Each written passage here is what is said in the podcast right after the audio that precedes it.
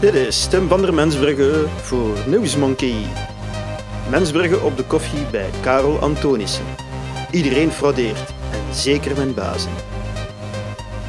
Het kantoor van Karel Antonissen in de Gentse Zuiderpoortoren heeft geen ramen. Ramen leiden hem af van zijn levenswerk, verdoken geld terug naar de schatkist leiden.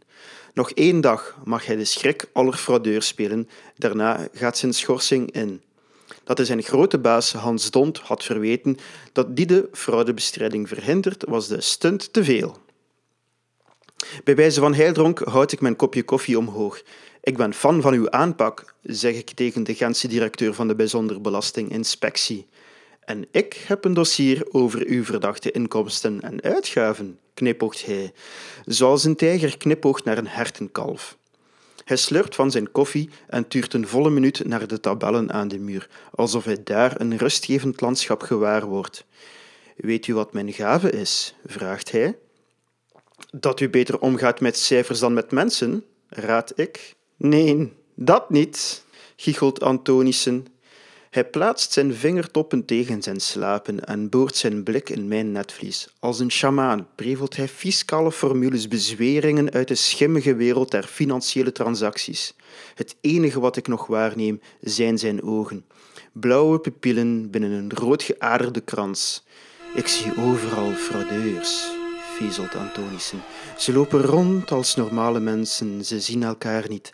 Zijn stem wint aan intensiteit. Ze zien enkel wat ze willen zien. In zijn woorden ligt nu een sacrale groet. Ze weten zelf niet dat ze frauderen. Klak! Ik heb van verdwazing mijn kopje koffie op de grond laten vallen. Sorry, zeg ik. Geef niet bromt Antonissen in zijn baard. Het voornaamste is dat u nu weet dat ik gelijk heb. Iedereen fraudeert en zeker mijn bazen. Je moet gewoon de bewijzen vinden. Ik ben geen fraudeur, protesteer ik.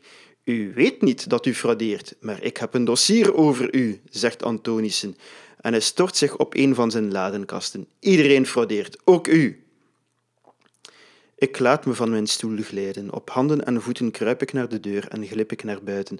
Terwijl ik naar de liften spurt, haalt een oerkreet me in. Ha, gevonden! Gehangt! Hangen zult ge!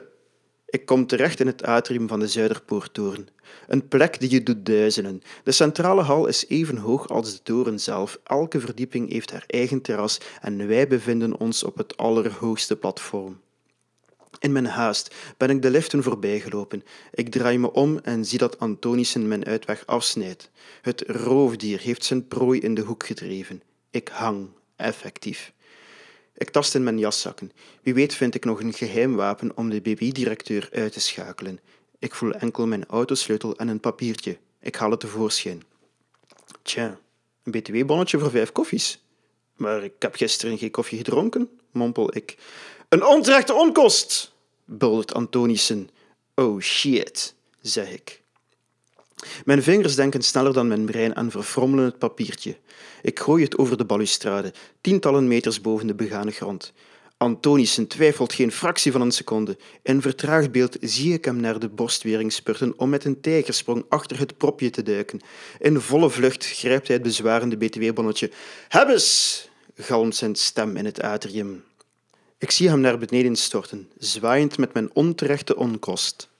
Uw fanatisme wordt nog uw ondergang, schreeuw ik hem na. Maar Karel Antonissen hoort mij al niet meer, want hij is uitgebarsten in een schaterlach die een meter of vijf lager abrupt zal worden afgebroken.